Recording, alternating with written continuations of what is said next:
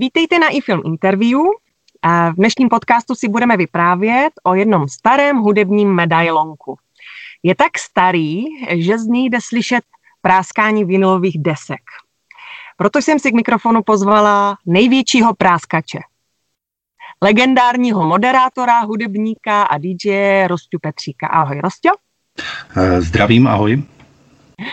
Rostě, otázka šitá rovnou na tělo, ať nám moc nezamrzneš. A co děláš teď, když nemůžeš nic dělat? Co dělám teď, když nemůžu nic dělat? Přemýšlím o tom, co budu dělat, až budu moc dělat. Takže vznikají velké plány, jo? Eh, vznikají a čím je ta doba delší, tím, tím je těch plánů více, takže něco seškrtávám, ale ve své podstatě se pořád držím těch dvou zásadních plánů, to znamená toho, co jsem dělal předtím, takže to je praskání, mimochodem praskání není od slova práskat, ale od slova praskat. Takže je to praskání s krátkým A, s krátkým A, praskání a toho se držím samozřejmě, protože mi pořád volají lidi, píšou mi, pořád se ptají, dokonce Dokonce lidé, kteří, protože jsem v poslední době začal brát i svatby, neboť eh, už jsem ve věku, kdy naši kamarádi eh, vdávají a žení dcery, takže, takže dávají dcery a žení syny, tak to je, že říkám to dobře. No, ano. E, takže i oni už se mi ozývají, takže to jsou pamětníci, lidi, co to praskání mají rádi, znají, ty jejich děti, vlastně některé byly počaty na těch pořadech, tak možná to mají proto v genech, takže dokonce se mi ozývají už na, na to příští léto, nebo na léto, už mi v zimě volali, jestli teda, že by v létě už konečně to mohlo být, tak ať si tam dám ten prostor, e, takže praskání bohužel nefunguje stejně jako spoustu věcí, nicméně zájem pořád je. A druhá věc, které, kterou se, které se věnuje, kterou mám úplně stejně rád jako praskání, tak to je samozřejmě naše kapela Úspěch. A tam skládám zase do šuplíku nějaké textíky, akorát jsem ovlivněn tím, co se děje, eh, takže zjistil jsem, že moc humoru v těch textech není v poslední době, že spíš, spíš jsem takovým, stávám se nějakým protest básníkem a to taky není úplně nejlepší, protože vždycky jsem dělal ten humor, tak uvidíme, jak to dopadne. Aha. Chtělo by to pozitivnější dobu pro pozitivnější texty. ano, chtělo by to hlavně spoustu z málo pozitivních lidí, ale by to chtělo. No, ty, co jsou pozitivní, jsou pak pozitivnější. ano, ano. Takže já se omlouvám. Uh, slavné praskání. Jistě, Takhle. že je logické, logické, já jsem se nad tím nezamyslela. Mm-hmm. Uh, pravá vinilová diskotéka pro všechny generace, podstavená na uh, pouštění teda starých šlágrů od 60. let. No, mám tam, mám tam i starší kus, kusany, protože ten Rhythm and Blues z 50. let, když začínal Roy Charles, který je mimochodem můj asi největší miláček, tak to jsou 50. Že? Takže mám tam i tyhle ty kusy, ale já vždycky tvrdím, že praskání je všechno, co je minimálně 20 let staré. Jo. Mm-hmm. To znamená, že věci, které dneska hraju, tak v dobách, kdy jsem začínal v roce 92, tak ještě nevznikly. Ale dneska už je to totální praskání. Jo. Mm-hmm. Ale opravdu se striktně držím toho, že nehrajou ty nové rádiové hity, Eh, to už by muselo být něco, co opravdu mě strašně trklo a nezapomenu na to upozornit ty lidi, že teď, teď novinka, pozor, a jo, ale, ale lidi, co chodí na praskání, ví, že, že nic jako těch nových rádiových šlágrů prostě neuslyší. No ale nové rádiové šlágry nejsou na vinilových deskách. No já už ani z vinilových desek nehraju. Pro, má to jeden jediný důvod. Jo. Já bych strašně rád z těch vinilových desek pořád hrál, ale ono, ta kapacita těch vinylových desek je tak malá za ty roky, co hraju, že například eh, slavná písnička Trezor od Karla Gota, já mám doma 71 singlů Trezoru, ani jeden už nehraje. jako sehnat, eh, sehnat starou, novou desku, neo, neohranou, je strašný kumšt strašný uh-huh. kumšt. Takže postupem času a, a bylo, to byl porod s prominutím, milé dámy, promiňte, byť jsem dva porody viděl, vím, že je to těžké, ale věřte mi, že zhruba takto jsem se cítil, když jsem přecházel poprvé z desek na, na CDčka. Dneska, mimochodem, už je to tak dávno, co hrajou z těch CDček zase, že se mi všichni ti, co nosí takovou tu malinkou na krku nějakou věc, tu flešku nějakou, nebo jak se to jmenuje, Aha. tak ti se mi smějou, jako proč se tahám s těma kuframa, proč hrajou z těch CDček. Já říkám, blázni, bloudí, mladí chlapci, já jsem kdysi nosil čtyři ty kufry plné desek a ještě gramofon, jo, takže mám to lehčí, než jsem to měl, ale přesto pořád jsem středem eh, velkého posměchu těch, těch mladých, no. Takže tě čeká ještě minimálně jeden porod z těch eh, CDček na eh, ty USBčka, jo? To záleží, na, to záleží na celosvětové vládě, jestli nás pustí hrát ještě někdy. Ježiš, Uvidíme, no. Jo. Ale já bych se držel těch, těch CDček, i když já jsem taky tvrdil, že nikdy z těch desek ne, jako nepřejdu na ty, na, ta, na ty CDčka, ale tady to si myslím, že u toho zůstanu, že to bude můj důchod, ty CDčka. Mm-hmm. Doufám teda. Jak vůbec to praskání vzniklo? Praskání vzniklo naprosto spontánně, tak jak všechny dobré věci, o kterých si myslím, že jsou dobré, tak podle mě všechny, jako málo co se dá naplánovat s tím, že a teď to rozbijem všechno. Eh, vzniklo to v té nejhezčí možné době, kterou kdo nezažil, tak prostě vůbec neví, co se dělo na začátku 90. let. To prostě hmm. bylo to slovo svoboda dostalo úplně jiný rozměr. Všechno bylo možné, všechno bylo možné, všechno se mohlo stát a řešilo se to s úsměvem, všichni se smáli, všichni se byli rádi. Ti, co měli být zalezlí, tak ještě byli zalezlí v té době, takže bylo hezky. Uh-huh. A my jsme měli V-klub, pronajatý na, na Báňské, takový slavný V-klub. Ano. My jsme měli několik, eh, několik prvenství v republice, například jsme jako úplně první v republice prodávali absint. Jo, už, už na, jaře, na jaře 90 jsme prodávali absint, to nikdo neměl ještě v té době. Uh-huh. No a my jsme s Filipem Čeporanem, který se mnou zakládal jak Buřinky dvě, tak Úspěch, tak, eh, tak vlastně Praskání, to byl vlastně můj největší bratr, tak eh, jsme měli nějakou sbírku desek po rodičích oba dva a když se tak popustilo v těch 90. letech, tak vlastně takové ty věci, které se vůbec nehrály, jako byly Schlitter suchý a byly e, singly, které byly okamžitě stáhnuty, jako, jako byla Kubišová, jako byl, jako byl Černoch ten původní, jo, a tyhle, ty, tyhle ty staré věci prostě, tak my jsme je hráli na tom praskání, protože skoro nikdo je neznal takové ty zakázané věci. Takže praskání vzniklo z vážných důvodů, jako osvětlit těm lidem, že se tohleto opravdu u nás dělo, že tohleto mělo smysl, jenomže zjistili jsme, že těch osvětlených věcí zase není moc, aby jsme utáhli celý večer. Tak jsme do toho dávali takzvané jako chvilky hrůznosti, jsme to nazvali, jako hrůzotéku a pouštili jsme tam ty, ty jako strašlivé věci, jako toho Davida a Muchovou a ti lidi se strašně smáli u toho, jako jak vlastně to, bylo to jako legrace. No dneska se to tak změnilo, že ti lidi za mnou chodí a oni to chcou doopravdy. Jo. Mám s tím problém. No. Ale takhle vzniklo praskání, že na té báňské ani jsme neměli název. Jsme vlastně v rámci hospody jsme pouštili z gramofonu, dělali jsme show. U toho jsme roznášeli, čím víc jsme bavili ty lidi, tím díl tam byli, tím víc jsme měli peněz samozřejmě. Mm. Takže to bylo příjemné. No a pak jsme udělali první, a to se ještě nemenovalo praskání, to bylo přímo na Včku. Já jsem začal pracovat v rádiu v Orionu, který, který vlastně vzniklo na Báňské. Kluci mě oslovili, abych jim tam pomáhal s něčím. A Lenka Michalská, která zrovna v té době dělala redaktorku na, eh, na Orionu, tak mi říká, kamaráde, já mám fantastický nápad. Vy jak děláte tu diskotéku z těch desek, to je úplná bomba. Ale proč se to nemenuje praskání? Vám to tak praská ty desky. Takže Lenka Michalská vymyslela tenhle ten název. Já říkám, no to je úžasný, úžasný nápad. Ona říká, půjdeš se mnou do rádia a tam to budeš celé dělat. A budem to pouštět do éteru. Lidi jsou lační, potřebují to. Říkám, výborně. A já strašně potřeboval prachy, kdo ne, že jo. Mm-hmm. A to mi zůstalo, to je takový můj koníček, pořád potřebuji nějaké peníze.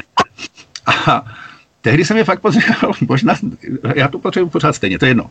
Ale hned jsem je potřeboval samozřejmě. Byť jsem dělal za tím barem, ale mým druhým koníčkem je bavit se dobře, takže já jsem část té výplaty nechával tam, samozřejmě za tím barem. A Lenka onemocněla. To byla taková jako legrace, že Lenka onemocněla a já jsem si říkal, já mám výborný nápad s tím praskáním tak nebudu na ní čekat. Já už toho mám dost. Říkám, Lenko, prosím tě, já mám nabídku z jiného rádia, můžu si vzít ten název? Říká, nevadí, jasně. No a ten, tehdy Pepa Podstat, ten byl ředitelem rádia Sprint. A tam jsem vlastně přišel jednoho dne večer, měl jsem balíček desek, on mi říká, pust mi to, co k tomu říkáš. Tak mi udělal takový 20-minutový pořad, říká, je to výborné, zítra ráno začínáš. Uh-huh. No a praskání potom se takhle dostalo i, i do éteru a tam jsem dělal asi tři roky vlastně v kuse, nebo dva, dva a půl roku v kuse, opravdu kromě svobod nedělí každý den. Ano, ano. Vyčerpávající? Výborné.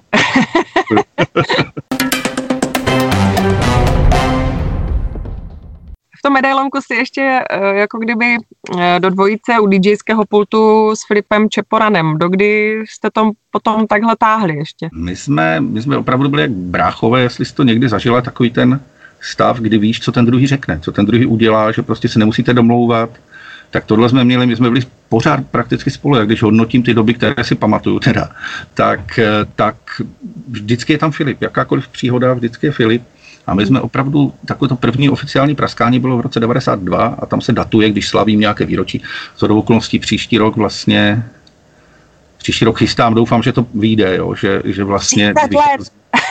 30 let praskání, je to neuvěřitelné. Já budu mít 55, 30 let praskání, do toho ještě bude 25 let úspěchu. Mm-hmm. To taky vychází. A ještě navíc 35 let e, skupiny Buřinky 2, kterou jsme měli jako první. Takže tak to musí ale... otevřít. Musí no, to já otevřít. Doufám, já doufám, jenom proto, že, že se tohle to chystá, tak doufám, že ano, snad ještě budou někteří pamětníci. Mm-hmm. No ale s Filipem jsme dělali spolu tak do roku, já to neřeknu přesně, ale tak 2,5, 2,6 možná, 2,5, 2,6. Tak nějak pak, jak už to tak bývá prostě i v lepších manželstvích, už jsme to tak nějak, možná ještě díl, nevím, nejsem si jistý, ale jednoho dne prostě už jsme zjistili, že to nejde, že prostě každý to chceme dělat jinak. Tak jsme si to rozdělili, mi zůstal název, Filip, Filip dělal svůj, svůj pořad, taky úspěšný, chodilo na něho spoustu lidí, dělal to jinak. No a stejně nám bylo smutno po sobě a vlastně ten poslední rok jsme se zase dávali dokupy, už jsme měli plány, byli jsme spolu na takové malé dovolené, kde jsme si jasně řekli, co bude dál, mm. ale bohužel Filip už, už prostě už to nestihl, no, takže mávám Filipovi. Mm. Takže to, to mě mrzí. No. Filip byl u všeho podstatného, co se hudby týče, co mm. jsem dělal. Pojďme zavzpomínat na někoho jiného, třeba na nějakého nejzajímavějšího hosta, kterého si v rámci praskání pozval. Nejzajímavější host, to je docela těžké. Tak měl tam loufanánka, špinarku, ano. špinička. Eh, Antonín, Antonín Duchoslav byl výborným hostem. Když se spoustu lidí dovědělo, jak se vlastně jmenuje civilním jménem. Ano, jo. ano.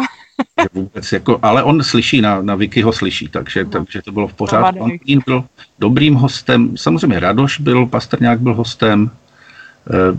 Hodně zajímavým hostem praskání a jednoho našeho pořadu byl Franta Dýmal, taky eh, známý to, známý to ostravský černokronikář, který ve své době dělal takové ty mord reportáže a jeho, jeho vyprávění na praskání, protože to bylo spojeno s vyprávěním, eh, bylo hodně zajímavé. To byl opravdu zajímavý host, když vyprávěl takovým tím ve své podstatě cynickým, protože když děláte nějakou práci, děláš nějakou práci dlouho, tak ti nepřijde, že je to cynické. A on už to dělal tak dlouho, ty nejhorší, nejhorší on byl mnohdy dřív než sanitky u těch případů, jo, to bylo strašné. Tak vy, vyprávěl, tak to byl hodně zajímavý host. Ale z takových těch, eh, strašně rád spolu, eh, vzpomínám na, na spolupráci s Maruškou Rotrovou, protože to je naprosto noblesní paní, prostě, s kterou se strašně pěkně povídá a člověk eh, jako kdyby zapomene, že se chce na něco ptát nebo chce, chce něco říkat, protože ono to tak plyne jako kdyby samo všechno. Takže s ní strašně rád, no a s Věrkou, s Věrkou to vždycky bylo veselé, takže to, to bylo fajn. To byli asi, možná, že ti ostravští, ostravští umělci, že mi, že mi tak přirostli asi nejvíc, no, že jsme si nejvíc rozuměli. No. Jarka Nohavicu si neměl na práskání? Jarek je slibotechná, klidně to tady řeknu. Jarek čtyřikrát slíbil stoprocentně a vždycky mi pak zavolal druhý den a říkat, ale ještě to nedávej na plagát, ještě to není jisté, jo. Jo. No a pak teda, ale fakt je, že vždycky ten den zavolal, že z nějakého mm-hmm. důvodu nemůže. Vždycky to byl nějaký fakt důvod, který se jako nedal, nedal yeah. odmítnout, jako nedalo se říct, že, že by to udělal schválně. Tak s Jarkem jsem ne, nehrál na pra... Pozor, kecám, v rádiu mám, mám, ano, když jsem měl výročí, když bylo, když bylo výročí praskání právě v Rádu Sprint, když jsem dělal, myslím, pětisté kulaté, pětisté praskání, pětistý pořad, vždycky to bylo půl hodiny denně, tak tam jsem si pozval Věrku Špinarovou, Hradka Pastrňáka a Jarka Nohavicu, takže vlastně byl hostem praskání. Teď, teď mi to vlastně došlo. A to bylo zvláštní, protože jsme dělali dvě hodiny v kuse, což si dokážu představit. Nebylo to předtočeno, nebylo to domluveno, bylo to na přímý přenos, do toho akorát vstoupili dvakrát, dvakrát zprávaři a vůbec nevěděli, co se budu ptát a co budu pouštět. Já jsem si našel jejich staré, staré věci, staré kusy, opravdu vykopávky. A bylo to příjemné. Ve své podstatě potom přišli, že musíme končit, že tam nějaký předplacený pořád a my bychom jeli dál asi. Zajímalo by mě, jestli uh, ten rozdíl mezi mládeží před těmi 20-30 lety a dnešní mládeží, která ti chodí na práskání, tak jestli je rozdíl v tom, co poslouchají, co vyžadují po tobě za hudbu, jestli na tím musíš třeba víc přemýšlet, co jim pouštíš. Eh, je v tom rozdíl, ono ve své podstatě jsou to dvě kategorie, jo, ten rozdíl. Jedna je, jedna je hudba, hudební, a druhá je chování těch lidí. Hmm. Chování těch lidí je, a budu se věnovat té hudbě napřed, e, takhle. Ono to sice souvisí dohromady, takové ty spojené nádoby, jak nás učili ve fyzice kdysi. Ono to souvisí, ale eh, co se týče té hudby, tak ve své podstatě se ustálilo, jo, protože eh, byť jsme tady byli první, kteří začali tu, jak, jak dneska všichni říkají, retro, retro diskotéku dělat, tak eh, ono se tam až tak moc vymýšlet nedá. Jo až tak moc se tam vymýšlet nedá, protože těch, těch stálic, ano, je spousta fantastické muziky, ale pak, když chceš lidi bavit tím, aby tancovali, protože o tom to je, je to, je to k tomu určeno. Ano, jsou speciální pořady, které se mi lidé objednávají, kdy dělám třeba jenom big beat, anebo dělám jenom poslechovku, že lidi si mi zaplatí za to, abych jim pouštěl věci, eh, na které oni chcou vzpomínat a o to si povídají, sem tam si zatancou. Ale když se bavím o klasických praskáních, tak eh, jsou tam pořád ty samé věci. Točí se Boniem, točí se ABBA samozřejmě. Mm-hmm. E, pak přijde nějaký film, a takže teď je, když se nepustí Queen, tak prostě si mrtvý DJ, že jo? To je, to je jasné. Ale své, ve své podstatě, ve své podstatě je to pořád, co se hudby týče, je to stejné, akorát se to posunuje, jak to praskání se mnou roste, jak říkám, všechno je minimálně 20 let staré, tak dneska už pouštím písničky z roku 2000, které mm. jsou praskání. Jo. To, to, prostě kdyby mi někdo v roce 92 říkal, že budu pouštět, nebo že vůbec ještě budu takhle dlouho hrát, jo, to, by vůbec, to by mě vůbec nenapadlo.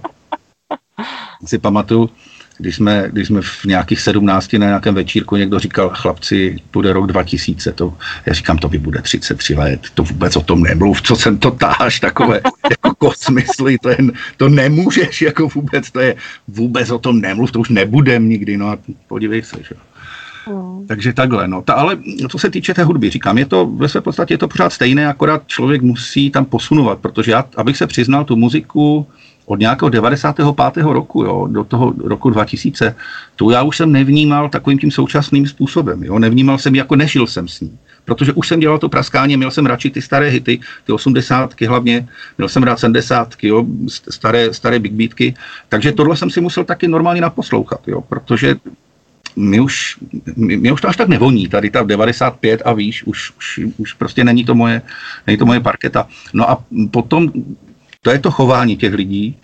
Já nechci, ať, ať vypadám jak starý morou, si ho byť jsem starý, ale, ale opravdu dnešní mladí lidé, eh, oni se nejdou bavit. Oni jdou, eh, respektive takhle, oni přijdou a chcou diktovat.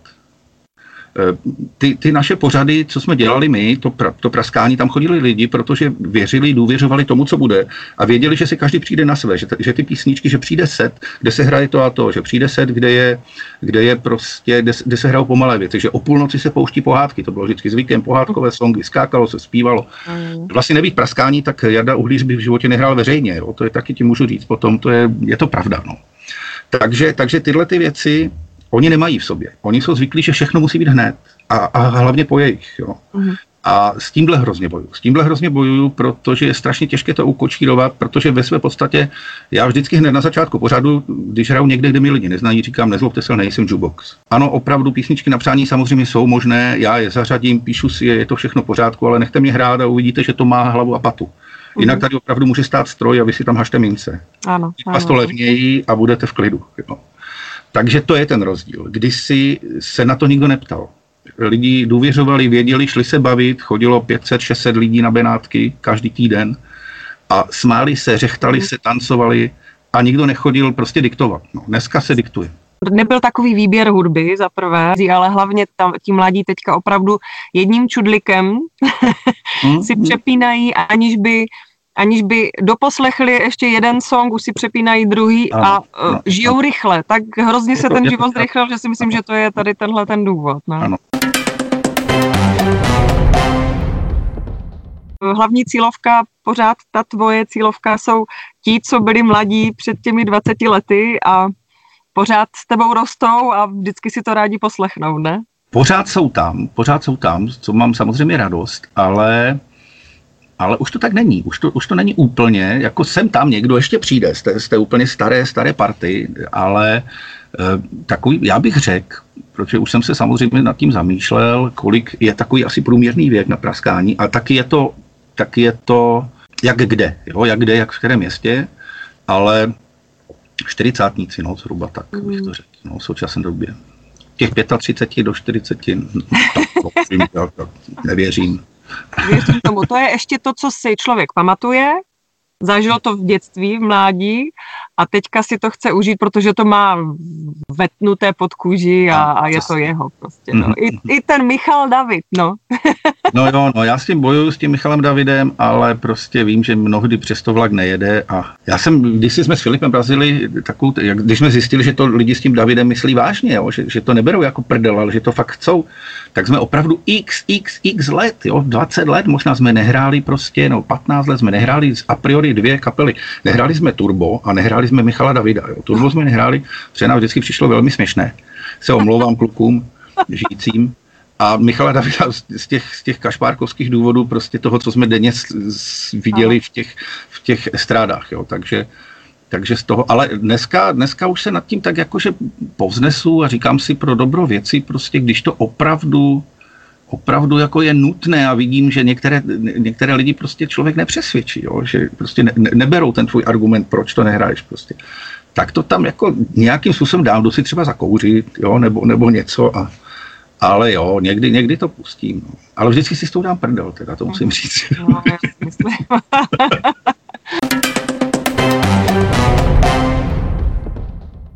Slyšela jsem, že eh, kvůli tobě Uhlíř začal koncertovat eh, na veřejnosti. Ano, ano, ano. A může za to, může za to společným dílem teda dvojice Petřík Čeporán a hlavně Lou Fanánek Hagen, který vlastně e, přišel na když byl poprvé na praskání, tak byl úplně, ale úplně vedle. Bylo to v bumerangu a on hleděl a říká, to si děláš prdel jsem. Já říkám, proč? Říká, tady už lidi tři čtvrtě hodiny tančí na staré pohádky. Jako a zpívá, a tady dělají, tady dělají vláčky a staví s tebou střechu, šest minut dělají skřítkové tesaři, padají na zem, dělají skřítky, zpívají to za tebe, ty jim vypínáš hudbu, oni to dospívávají. Já říkám, jo, a počkej, až bude dělání, to úplně. On na to prostě zůstal hledět, říká, to si děláš, to, to, to, až budu vyprávět v Praze, to mi nikdo neuvěří. No a, při, a vyprávěl to v Praze. A přijel pokud ještě, ještě s dalším kamarádem, který to fakt chtěl vidět. On kvůli tomu přijel z té Prahy a on už mi od 11 říká, půjď už to tam dřív. Říkám, ne, duchové chodí o půlnoci prostě. Začínali jsme vždycky dělat duchové, tím to začalo tou orchestrálkou. Najednou se tam narval, ten parket byl úplně narvaný, ti lidi začali skákat, juchat a to. A ti dva Pražáci tam seděli a fany, jako pišný, říká, vidíš, já jsem ti to říkal, jsem nelal. Ten kluk tam seděl, kroutil hlavou, říká, ty to není možné, kde jsme se to ocitli, středověk. Říkám, ne, ti lidi se prostě takhle baví, jako nemusíš tam pořád hrkat nějaké, nějaké prostě vaše tuc, tuc, nové diskotéky. Podívej se, tady prostě 500 lidí a, a jsou spokojení. No a Fanny mu uzrála myšlenka a říká, ty fakt ti lidi to všichni znají na spamy. A oni, jak sestry dělají každý rok ten svůj velký festival, Big Beatový, tak tam pozvali toho Jardu Uhlíře že tam opravdu hrát na ten klavír. A on se tomu strašně bránil. Oni ho tak dlouho přemlouvali, až to udělal. Vyvezli mu do lomu, mu vyvezli, protože to bylo, se hrálo v takovém lomu, tak mu tam vyvezli ten klavír jeřábem, prostě mu to tam dali všechno, že tam se nedalo různě do, do, dojít. A on byl strašně nervózní ale po druhé písničce to s něho spadlo, protože všichni ti pankáči s těma čírama prostě a tohle, tak všichni tam začali zpívat, všichni to znali na spaměť. Takže vši, celá ta sorta těchto těch okovaných lidí začala zpívat a asi v sedm ráno prostě eh, tam bylo možnost spatřit dva pankáče z balkonu, jsme se dívali, je dva pankáči zelené, zelené a černé, červené číro prostě šli jak maďarská vlajka, drželi se kolem ramen a zpívali, když se zamiluje kůň.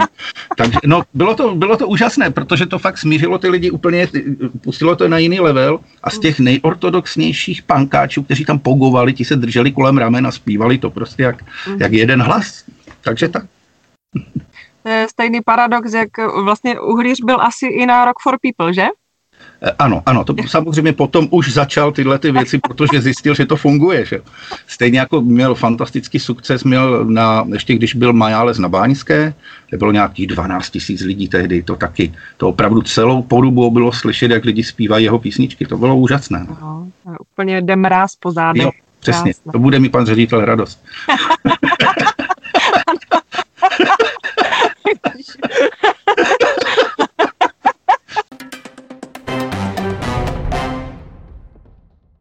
No, jak jsi zmiňoval, uh, ty mi připrav, připravil jsi mě o pointu, protože já jsem vypočítala, že máš těch 30 let příští rok. Já jsem říkala, Bůh ví, kdy se zase uvidíme. A já jsem ti přinesla uh, dáreček. Neke. Jde to vidět? Spoustu no, jde to vidět, Valda. hrajících desek, jako je Matuška Valdemar, Miluška Voborník. Ano, ano, ano, ano. Tady jsou nějaké, no je tady spousta nádherných věcí, které scháněla eh, kdysi ještě moje babička a já mhm. to mám jako pozůstalost doma a říkám si, komu já krucinál to dám, kdo to ještě ocení a ty mm-hmm. se říká, že ty to ještě určitě ocení. Já to určitě ocením, hlavně to ocení lidé, s kterými bydlím, protože já se teď tak různě přestěhovávám a já mám tři a půl tisíce desek které musím někde dát, jo, takže mám jich o trošku víc teď. No. Pošlu poštou. ne, v pohodě, já se rád podívám. Já už jsem, abych se ti přiznal, jsem strašně dlouho už si nepustil desku. No. Mm-hmm. To je pravda, to je pravda, je třeba začít zase. Jo, tak doufám, že jsme tě k něčemu takovému teďka popostrčili. A ještě jsem se chtěla dozvědět, co plánuješ, ale to si nám víceméně říkal. Mm-hmm. To už, to už víme, že toho je moc že to škrtá. já, já ti klidně řeknu, co plánuju. Já ti řeknu, co plánuju. já plánuju okamžitě, ještě, ještě ten, ten den, kdy uslyším v rádiu, že otevřeli zahrádku, tak to je můj plán. Ten den tam sedím, v ten nejbližší, a je mi úplně jedno, co tam poteče, to plánuju. jako první. A pak až budou ty další věci. Krásný plán, myslím si, že teď posluchačům a, a divákům začala téct slina. že? Obzvlášť v tomhle počasí. no, jo.